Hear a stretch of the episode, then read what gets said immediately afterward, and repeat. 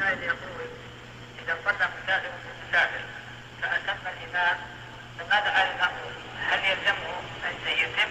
أم يقصر؟ كيف؟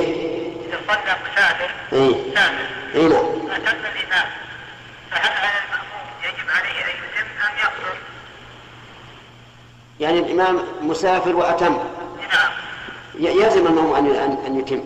تبعا لإمامه يعني إذا صلى الم- المسافر إذا صلى المسافر وراء إمام يتم لزمه الإتمام سواء كان هذا الإمام مسافرا أم مقيما.